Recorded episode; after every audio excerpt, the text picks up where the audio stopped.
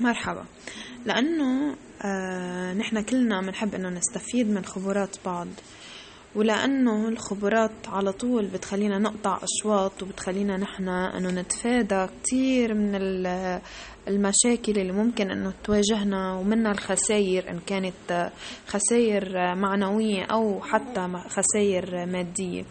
فأنا حبيت إنه أعرض عليكم آه، آه، شوية نصايح آه، بتخص مواضيع حياتية ممكن تستخدموها أنتم بال business تاعيتكم ممكن تستعملوها بحياتكم اليومية مع أزواجكم مع أولادكم إلخ أول نصيحة أنا حابة بلش فيها اليوم هو إنه بس هيك بدي أعطيكم أول شي background عن أنا يعني شو كانت خبرتي؟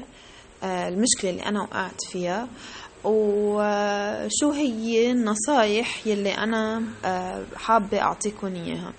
من آه، هاي الخبرة.